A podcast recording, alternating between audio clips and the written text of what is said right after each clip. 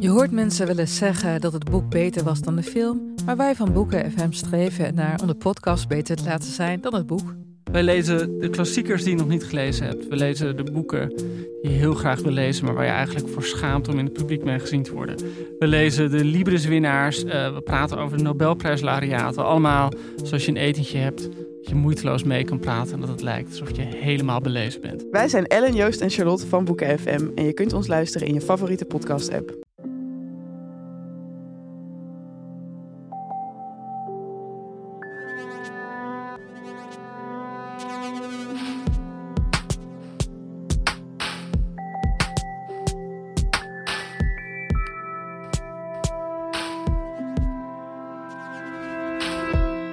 Hey, ik ben Pieter van Relaas. In Relaas hoor je waar gebeurde verhalen en die worden verteld door de mensen die ze zelf hebben meegemaakt. Wij organiseren maandelijks vertelavonden in Gent, Antwerpen en Brugge. En deze podcast die bestaat dankzij onze vrienden van de show. Onze nieuwste vriend heet Miek. We love you, Miek. En dit is het relaas van Sophie. Sophie heeft een grote kinderwens. Maar kindjes maken of kindjes krijgen, dat loopt niet altijd van een leien dakje. Sophie vertelde erover op de jubileumeditie van Relaas in de Handelsbeurs in Gent.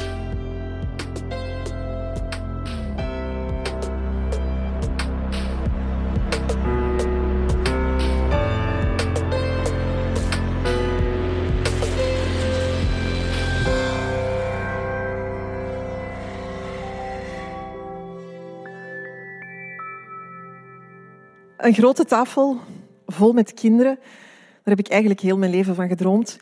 Dus ik was heel blij toen ik mijn lief tegenkwam. Dan kon die droom ook in vervulling gaan. Hij zag dat gelukkig ook zitten. En we zijn er meteen uh, ingevlogen. Als we anderhalf jaar samen waren, of nog niet zelfs, lag ons eerste kind al in onze armen. Dus als je even meetelt, is redelijk snel. Ging allemaal goed. Uh, ze hadden nog zin in uh, nummer twee. Ook dat ging vlot. Tot hij geboren was. 4,7 kilo, wil ik er toch even bij vertellen. Dank u wel voor het respect. Maar dat kind sliep niet. Misschien zijn er hier jonge ouders in de zaal die nu al een beetje beginnen te suffen. Die sliep niet. Dus ja, mijn lief had zoiets van, een derde kind? Ik dacht het niet, Sophie. Voor mij was dat echt een enorme shock, want we hadden dat op voorhand wel afgesproken. We gingen een groot gezin en we gingen zeker drie kinderen ik had er eigenlijk wel heel veel ja, verdriet van. Ik moest daar om, om rouwen dat dat kind er niet meer ging komen. Uh, dat was ook wel moeilijk zo wat tussen ons.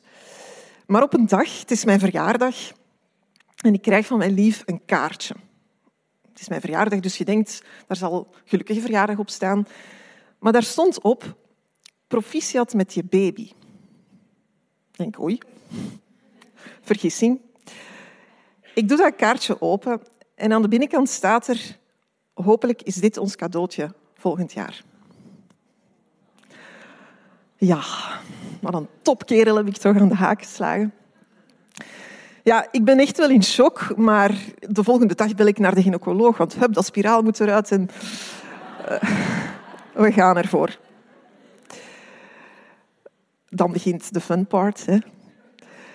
Ik was drie keer meteen zwanger. Niet te veel fun dus. Allee, jawel, maar je snapt mij. En um, ja, jammer genoeg gaat het mis. Op moederdag dan nog begin ik bloed te verliezen en het uh, vruchtje sterft af. Heel jammer, heel triest, heel droevig. Maar we hadden zoiets van, ja, dat is iets waar je wel altijd waar rekening mee moet houden. Dus we gaan er gewoon terug voor en, en dat komt wel in orde. Maar mijn lijf werkt eigenlijk niet mee. Ik ken mijn lijf nogal goed en ik voelde er klopt iets niet. Ik heb heel veel dokters afgelopen, die wilden allemaal niet echt luisteren. Maar uiteindelijk, na een half jaar bij mijn eigen gynaecoloog, zei hij oké, we gaan toch verder onderzoeken. Pijnlijk onderzoek. Eh, we zitten in haar kabinet en ze zegt... Sophie, het spijt me, maar jij kan geen kinderen meer krijgen. Een bom in die kamer. Ze zegt er nog bij... Maar ja, je hebt er toch al twee? Je zit ook al... Met je leeftijd is het vijf voor twaalf. Ik was 34. Dus als ik haar vandaag nog eens tegenkom, sta ik niet in voor de gevolgen.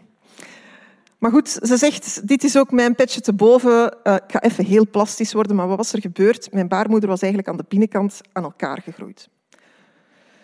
Ik werd doorgestuurd naar UZ Gent, daar nog eens onderzocht. Ik krijg uiteindelijk een datum voor een operatie, 14 december. Oké, dat staat in onze agenda, 14 december.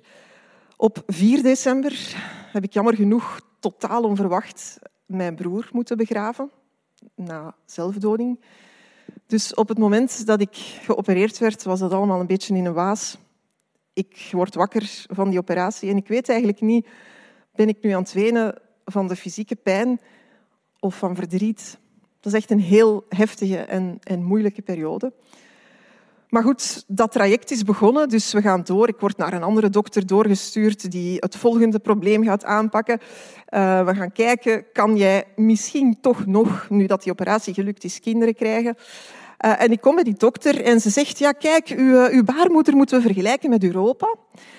En hier is misschien een heel klein stukje, laat ons zeggen België.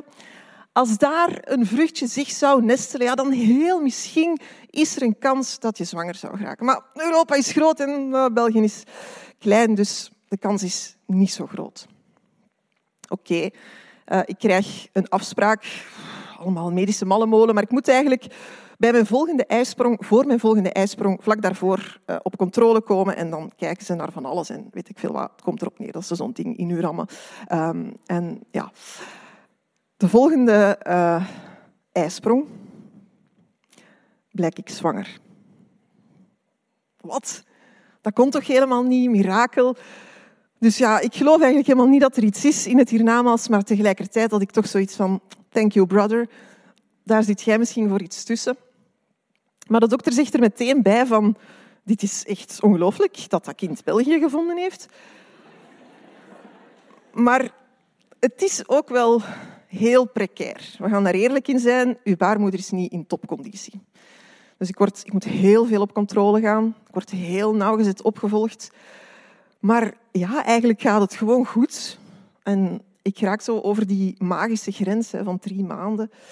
We krijgen ook te horen dat het een meisje is. We hadden al twee jongens, Basil en Felix. Dus ja, wij zijn echt super blij, super opgelucht. Ik maak me eigenlijk nog nergens zorgen over.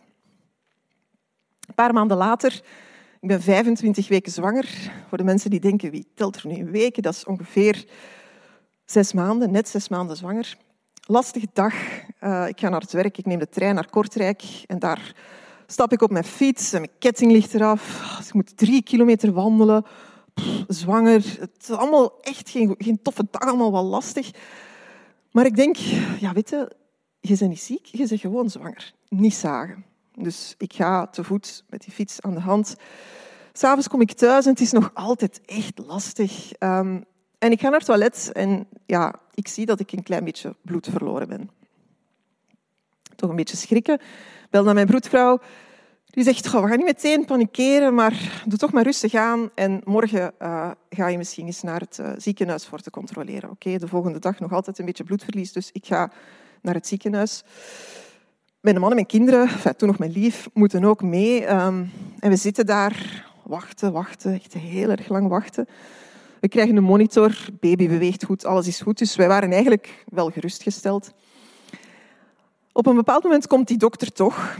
Ik lig daar en um, ze onderzoekt mij. En mijn man was eigenlijk even gaan wandelen met de twee kinderen, want we waren echt al heel erg lang aan het wandelen. En op het moment dat hij terug binnenkomt, zegt die dokter tegen de vroedvrouw, misschien moet je de kinderen even terug meenemen. Dan weet je, dit is geen goed nieuws. Een kwartier later lag ik in een ambulance richting UZ Gent. Ik ben daartoe gekomen en mijn vliezen zijn eigenlijk meteen gebroken, dus ik lag in een plas water. Ja, wat nu, hè? 25 weken zwanger. Er komt een dokter bij, er komt nog een dokter bij. Er staat drie man aan uw bed en die zeggen, kijk mevrouw, we gaan eerlijk zijn, dit is niet goed. Waarschijnlijk gaat uw dochter vandaag geboren worden. Er is een wettelijk kantje aan dit verhaal. Als een kindje voor 24 weken geboren wordt, dan doen ze niks. Dan gaat het kindje dood. Tussen 24 en 26 weken moeten de ouders beslissen of er zorgen worden toegediend of niet. Wij zaten in die grijze zone. Dus ze zeggen tegen ons, speel God. Je moet nu, en ook echt nu, beslissen of je, als je bevalt, het kindje gaat laten sterven of we haar zorgen toedienen. Als we haar zorgen toedienen, dan is de kans op overleven heel klein, de kans op levenskwaliteit ook heel klein. Ja, dat is een onmogelijk vraagstuk. Wij praten met elkaar en wij beslissen hard tegen verstand. We kunnen ons gezin dit eigenlijk niet aandoen, onze twee jongens. We gaan haar, haar laten sterven. Die nacht brengen wij door in het verloskwartier. Ik lig de hele nacht op een verlosbed. Die kamer had een knalroze chauffage. Heel gek. Voor mijn man wordt er zo een kramikkelig veldbedje binnengereden. En ja, wij huilen, wij praten, wij zwijgen. Maar ik krijg geen weeën. Er gebeurt niks. Dus de volgende ochtend staat dat team dokters opnieuw aan ons bed. En die zeggen, ja mevrouw, de situatie is nu wel een klein beetje veranderd, want u bent niet in arbeid gegaan. En wij hebben ook zoiets van, ja, en wij zien dat ook niet meer zitten om haar te laten sterven. Dat is onze dochter. Ik voel haar op dit moment bewegen in mijn buik. Dat gaat niet, dat gaat gewoon echt, echt niet. Dus ik krijg een kamer op intensieve zorgen en de boodschap van rustig te blijven liggen en hopelijk zo lang mogelijk hier te blijven liggen. Dus wij hopen naar die 26 weken, want dan is het moment dat we niet meer God hoeven te spelen en dat, het, ja, dat er sowieso zorgen worden toegediend dat ze ook alweer iets meer kans heeft om te overleven. Mijn man blijft elke dag slapen in het ziekenhuis. We hebben achteraf geleerd dat ons dat 47 euro per nacht heeft gekost. Niet terugbetaald door de hospitalisatieverzekering, zonder ontbijt en op het meest echt verschrikkelijke crappy zeteltje. Maar goed, na zeven nachten uh, besluiten van ja, ik kan hier niet altijd blijven slapen. We moesten ook altijd logies voorzien uh, die dan bij onze kindjes bleven thuis. Dus het is de laatste nacht dat hij blijft slapen. En s ochtends, ik word wakker. In een ziekenhuis slaap je niet echt, want je wordt constant gestoord. En ik voel dat er zoiets ah, niet goed zit. Geen weeën, ook niet echt pijn, maar toch van... Ik heb het gevoel dat dat hier toch niet klopt. Dus ja, de verpleegster komt en die zegt, we zullen nu anders nu al aan de monitor leggen. Hè, en dan gaan we wel zien. Oké, je ligt daar al acht dagen. Je moet drie keer per dag aan die monitor, dus je weet hoe dat het eruit moet zien. Niet zoals het eruit zag. Niet goed. Dokter, excuseer, wordt erbij geroepen. Die dokter onderzoekt mij twee seconden en die zegt... Juffrouw, of misschien zei hij mevrouw, mevrouw, haar voeten hangen eruit. Ze moet nu geboren worden. Het was op dat moment 7 uur 15. Die dokter, samen met twee verpleegsters, hebben gereest met mijn bed naar het verloskwartier. Ik ben daartoe gekomen en ze zeiden persen. Madame, persen nu, ze moet eruit. Ik heb geperst voor mijn leven, enfin voor haar leven. En ze is geboren om 7 uur 22. Ik weet niet of je ooit al geperst hebt. Maar dat is niet iets wat je kunt met je ogen open. Dat is gewoon fysiek niet mogelijk. Dus ik pers en het moment dat ik na het persen, als zij er eindelijk uit is, voeten eerst dus, zij is al weggenomen voor ik mijn ogen heb kunnen open doen. Dus ik heb haar niet gezien. En dan moet er zo nog wat plastische shit gebeuren, zoals nabevalling, placenta, gedoe. Dus ik moet in die kamer blijven liggen. Zij, wordt, zij krijgt zorgen toegediend in een kamertje daarnaast. En we zien elkaar voor de allereerste keer eigenlijk een half uur later of zo in de gang. Zij zit in een gigantisch grote bak. Dat heet een transportcouveuse. En daar ligt, daar ligt een mini-mensje in van 960 gram. Dus dat is minder dan een pakje suiker. 37 centimeter. Tien vingers en tien tenen, maar toch ziet dat er niet echt uit als een, als een echte baby. Doorschijnend, heel rood ook. En ik denk, ik, ik mag u niet graag zien, want jij gaat misschien nog doodgaan. Maar tegelijkertijd denk ik, maar dat is mijn dochter. Ik kan u niet, niet graag zien. Ik probeerde het, maar de liefde stroomt meteen over. Je kunt dat gewoon niet tegenhouden. Ze heeft uiteindelijk 82 nachten op neonatologie gelegen, met ups en downs, met heel bange momenten, met niet zeker weten wanneer en of ze naar huis mocht komen.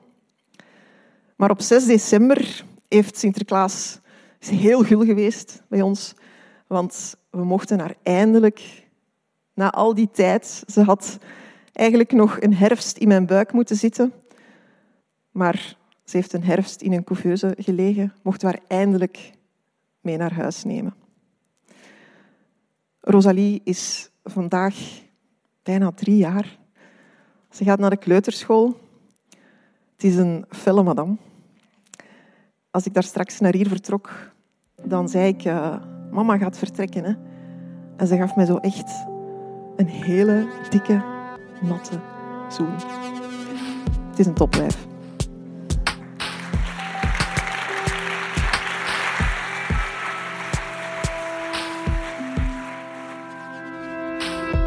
Dat was het relaas van Sophie.